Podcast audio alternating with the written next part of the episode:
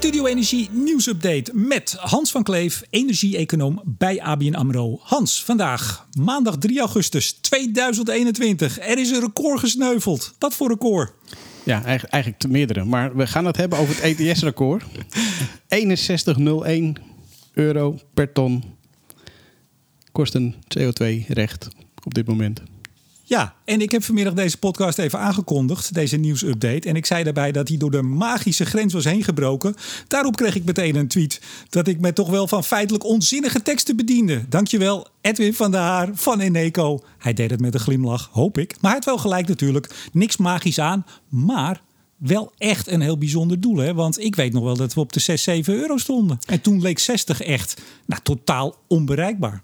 Ja, sterker nog, als je kijkt naar de plannen of naar de ambitie van de Europese Commissie, die rekenen ook met, met 35 uh, euro per, uh, per ton in 2030. Dus wat dat betreft uh, loopt de markt aardig vooruit op wat er eigenlijk beoogd was.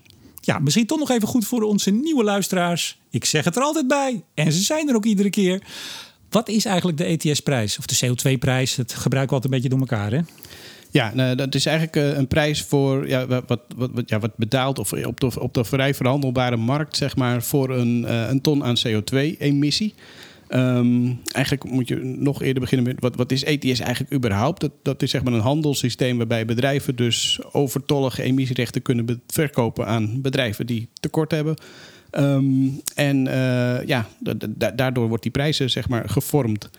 Ja, Daarnaast... ieder, ieder bedrijf sorry, ieder bedrijf in de industrie, uh, althans de grote industriële bedrijven en de elektriciteitssector in Europa, die vallen eronder. Die moeten zo'n ETS-recht hebben voor iedere ton die ze uitstoten. Ieder jaar worden er minder rechten op de markt gebracht. Dat is nou een van die ja, functionerende onderdelen van het Europese uh, klimaatbeleid. Ja. En ja, uh, met, met hoe minder rechten er beschikbaar zijn, in principe, hoe minder er is, hoe hoger de prijs, toch? Nou, hangt van de vraag af. Kijk, dat bedoel ik. Dus en, en dat is wel meteen een heel belangrijk ding. Want het ETS is, is, is ja, ik had een, een slogan, een, een, tool, geen doel. Oftewel, het is een, een instrument uh, om CO2-uitstoot te verlagen. Het, het, doel van ETS is niet een hoge CO2-prijs. En dat is denk ik een onderscheid dat heel vaak vergeten wordt uh, om te maken. En, en ja, wat toch goed is om, om je achterhoofd te houden. Dus uh, de prijs loopt nu op. Dat is mooi aan zich, om, want het, het stimuleert de verduurzaming. Maar het doel op zich is natuurlijk de CO2-uitstoot verlagen. Ja, maar hoe komt het dat hij vandaag door de 60, zelfs door de 61 euro is gegaan? Nou, dat de prijs de afgelopen weken flink oplopen heeft eigenlijk te maken met de gasprijzen. En je begon net met, we hebben een record gebroken. Dat, dat is namelijk een ander record. Uh, ook TTF-gasprijzen staan vandaag op het hoogste punt ooit. Um, en dat, dat, uh, dat hebben we eerder in een podcast al uitgelegd. Hè? Lage voorraden, koude winter. Uh, de aanvullen gaat niet zo snel. Dat zorgt voor een, een, een hele hoge gasprijs. Um, maar zo hoog dat het eigenlijk interessant wordt voor kolencentrales om uh, daar weer uh, energie mee op te wekken of elektriciteit mee op te wekken. En kolencentrales uh, stoten meer CO2 uit dan gascentrales. Dus krijg je meer vragen naar CO2-rechten. En dat is waarom de prijs van die CO2-rechten nu oplopen. Ja, dus uh, bedrijven die stroom produceren, die zijn dan zelfs met die uh, nou ja, relatief hoge, ik zeg het nadrukkelijk bij relatief hoge ETS-prijs, nog altijd goedkoper uit, omdat ze dan goedkoper kolen kunnen stoken. Ja, of eigenlijk minder slecht. Want alle twee, als je kijkt naar de, de winstgevendheid van kolen en gascentrales, zit alle twee negatief. Maar die van gas is op dit moment slechter nog dan dat van kolen. Ondanks de hoge CO2-prijs inderdaad. Ja, maar dus één op één aan de gasprijs. Of niet één op één, maar direct de, die doorbraak is nu door ook het record op de gasmarkt. Ja, dat, dat, die, link kan je echt wel leggen. Natuurlijk zit ook er altijd een stukje marktspeculatie bij. Hè. Dat, uh, er zijn uh, zeker naar de aanpassingen van het. of vooruitgaand aan de aanpassing van de Europese Commissie. is die prijs al heel erg opgelopen. Nou, misschien komen we daar zo nog even op. Um, dus marktspeculatie werkt daar altijd in mee. Maar het, het overgrote deel is inderdaad die gasprijs. Ja, voor de zomer presenteerde men in Brussel een enorm uh, wetgevingspakket. Daar hebben we het in de vorige nieuwsupdate over gehad. Fit for 55. In hoeverre is dat hele pakket en alles wat ja, uh, marktspeculanten en, en bedrijven zien aan wat er aan gaat komen de komende negen jaar. In hoeverre is dat nou wel ingeprijsd in die ETS-prijs? Ja, dat is altijd lastig inschatten. Ik denk zelf dat het echt uh, heel erg ingeprijsd is. Sterker nog, uh, ik, ik, denk dat ze misschien de, markt daar wel in, in, in doorschiet. Het lijkt wel een beetje, zeker ook als je beleggers ziet en de interesse bij particuliere beleggers, die overigens uh, vaak heel veel moeite hebben om in dit instrument te beleggen, omdat er echt aan professionele partijen is, is voorbehouden. maar die interesse, die, die, dat werkt wel dat, dat men ervan uitgaat dat het echt een, een hoe heet het mooi, een, een one-way bet, een eenrichtingsverkeer is, zeg maar. De prijs lijkt alleen maar omhoog te kunnen. En dat is meteen waarvoor we denk ik moeten waarschuwen. Natuurlijk, uh, het beleid is gericht op, op, op krapte en op een stimuleren van verduurzaming door een hogere prijs. Maar dat wil niet zeggen dat het één richting uh, verkeer is. Als die beleggers dus winst zouden gaan nemen op die posities, ja, dan komt de prijs gewoon weer omlaag. En dat kan ook best snel gaan. Ja, en, maar zie je daar dan, zoals dat heet, nog ergens een bodem in liggen? Of kan dat echt alle kanten op?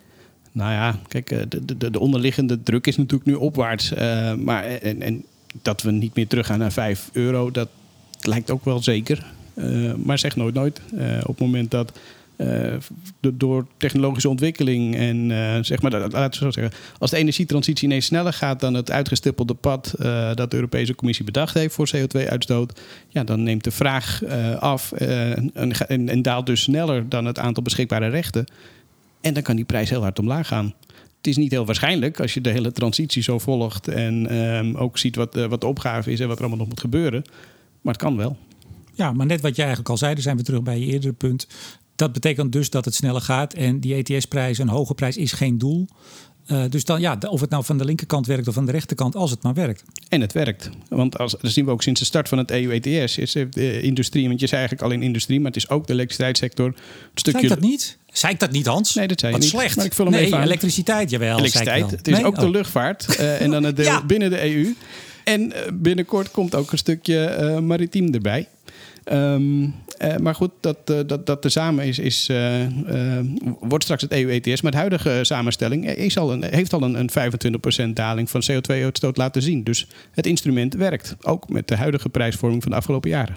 Ja, en sterker nog, bij de presentatie van het Fit for 55 pakket kwam er ook nog een doorrekeningetje van de Europese Commissie dat als het nou niet zou worden verhoogd, dat zelfs de doelstelling voor 2030 nog zou uh, worden, hoe zeg je dat, uh, voorbijgestreefd. Zou, we zouden zelfs lager uitkomen in uitstoot nog dan wat we gedacht hadden, namelijk de 43% reductie in 2030. Ja, Eigenlijk is het ook. Ja, goed, het, is ook. Uh, en, en dat vergeten we nog wel eens. Het instrument is zo gericht dat het uiteindelijk uitkomt op 0% uitstoot aan, aan, het eind van de rit, 2050, 2054, een beetje in die, in die richting. Maar dan, dan is het nul, want er zijn er geen rechten meer beschikbaar. Um, en hoe die prijsontwikkeling in die tussentijd is, uh, ja, dat is eigenlijk minder relevant. En vanuit de politiek wordt natuurlijk gestimuleerd dat die prijs nu wat hoger is, zodat uh, ja, die, die, die verduurzaming prikkelt, als het ware. Maar zo niet, uh, ja, en bij lagere prijzen duurt het langer. Dat betekent alleen maar dat de klap later uh, harder is. Uh, dus, maar die komt ook. Nou, dus, over de gevolgen van die hogere prijs. Dat was een tweet van, ik zou bijna zeggen, vriend van de show, Martin Visser. Tweet van de dag. zoals, nou, ik zou bijna zeggen, tweets van de dag moeten we het inmiddels gaan noemen. Want hij was weer lekker bezig vandaag. Grafiek van de dag bedoel je? Ik heb staan tweet. Wat gek hè? Ja, natuurlijk. Grafiek van de dag. Ja, het is eigenlijk ook een tweet van de dag. Laat we eerlijk zijn. Prima. Grafiek van de dag, zeker. Ik ben nog niet helemaal op stoom, Hans, merk ik op maandag. Geen punt. Um, de prijs van 60 euro per ton CO2. Nou, dat is die doorbraak. In plaats van, stond daar tussen haakjes achter, de 25 ton per CO2. Waar we eigenlijk bij het volgende, namelijk subsidie voor CCS, vanuit zijn gegaan. Althans, de, nou, noem het maar even, ja, waar we vanuit zijn gegaan. Uh, veel minder subsidie daardoor nodig. Hè. Hoe hoger die uh, CO2-prijs, die ETS-prijs is, daar is namelijk de subsidie aan gekoppeld. Ja. Hoe, hoe, minder er uh, subsidie nodig is. Met die huidige prijs van 60 is niet de ruim 2 miljard die gereserveerd was maximaal nodig, maar slechts 900 miljoen. 1,1 miljard in de pocket, Hans. Uh, in de pocket of geef het minder uit? Ja, het is net hoe je bekijkt. Maar goed, He, dan, ben, dan, probeer ik een beetje, een beetje de swoon erin te brengen. Ja, minder uitgeven, ja, wat is dat? Ja. Is dat in de pocket of is het minder uitgeven? Geef niet. Het, het, het, het, helpt in ieder geval. En dat is het positieve van de huidige prijsontwikkeling. Het is en een stimulering voor de verduurzaming. En het kost ook nog eens minder uh, aan subsidie voor de industrie. Dus dat zijn de positieve kanten. Uh, we moeten ook niet vergeten, en daar, daar waarschuwen sommige landen ook op. En dat, dat, dat geluid hoor je ook steeds vaker. Als de prijsstijging van het ETS te snel gaat. Um, ja, op een gegeven moment loop je tegen technologische grenzen aan. Uh, en wat je dan eigenlijk krijgt is uh, meer inflatiedruk, uh, meer kosten voor, voor allerlei bedrijven. Terwijl de technologie, zeg maar de technologie om die draai te maken, ja, die, die gaat op een gegeven moment al zo snel dat dat kan niet sneller. dus een, een, een, een prijs om dingen te stimuleren is prima, maar als je daarin doorschiet, ja, dan, dan verhoog je de kosten voor de transitie, maar versnel je het niet. Ja, en dat is ook de, de kritiek of ook de scepsis van, uh, ja, van critici van het ETS. Die zeggen, nou ja, al, al, alles goed en wel. En eindelijk lijkt het dan een beetje te beginnen te werken. Ik vat het, probeer het even samen te vatten. Maar op het moment dat dit echt heel erg pijn gaat doen. En niet alleen landen als Polen en Bulgarije beginnen te piepen, maar ook anderen. Als die zien dat hun nationale belang in het geding komen. Dan zou het zomaar zo kunnen zijn dat waar we met 27 lidstaten hiertoe besloten hebben. We ook weer kunnen besluiten om het allemaal maar weer een tandje minder te doen. Dat is de fundamentele kritiek. Ja, maar ik denk dat het kritiek hem niet zit in een hoge prijs, maar meer in de snelheid waarin die prijs stijgt. Ehm, en uh, ik bedoel, je, je, je, wil wel een prikkel om te verduurzamen hebben, maar je moet wel die, de tijd ook hebben om, die, om, om dat te verduurzamen. En anders werkt het alleen maar kostprijsverhogend. Dus ik denk dat dat het, het grootste onderscheid daarin uh, is. Ja, nou, nou, schrijf jij rapporten voor de bank tot slot. En ja, ja, ja, jullie adviseren natuurlijk je klanten. Wat, wat, zeg je over ETS, over die prijs? Wat, wat, wat zie je voor de, nou, laten we zeggen, de korte tot middellange termijn voor ontwikkeling? Nou, we geven geen prijsverwachtingen af voor ETS. En dat is eigenlijk vooral omdat het geen uh, grondstof is waar we wel prijsverwachtingen afgeven. Maar het is echt een, een politiek instrument. Uh, die toevallig op de financiële markt verhandeld wordt. Dus dat, dat is het grootste onderscheid. Dus we geven geen prijsverwachting af. Uh, en, en eh, ik, ik, geef ook deel die waarschuwing mee van, uh, ja, natuurlijk, de lange termijn richting is, is, lijkt in ieder geval omhoog te zijn. Maar uh, het, is, het, is, geen één, één richting verkeerd. Dus de, prijsstijging is zo snel gegaan. Het kan ook echt wel eventjes een, een tandje terug, zeg maar. Ja, maar, maar jullie geven misschien niet zo'n advies zoals je dat inderdaad in die uh, energiemonitoren die jij maakt. En daar staat altijd keurig voor hoe lang of hoe ver uh, naar voren jullie bijvoorbeeld de gasprijs of de olieprijs inschatten. Maar ik neem aan dat klanten van, van de bank en van alle banken, laten we jullie even niet apart zetten, dat die daar inderdaad in handelen en in of willen beleggen. Die zullen dan toch wel eens met een vraag komen. Wat zeggen jullie dan? Ja, voor beleggen niet, want dat, wordt dus niet gefaciliteerd aan, aan, aan particuliere beleggers. en voor bedrijven, nou ja, dan, dan, dan eigenlijk verhaal wat, wat ik nu vertel, uh, de lange termijn richting.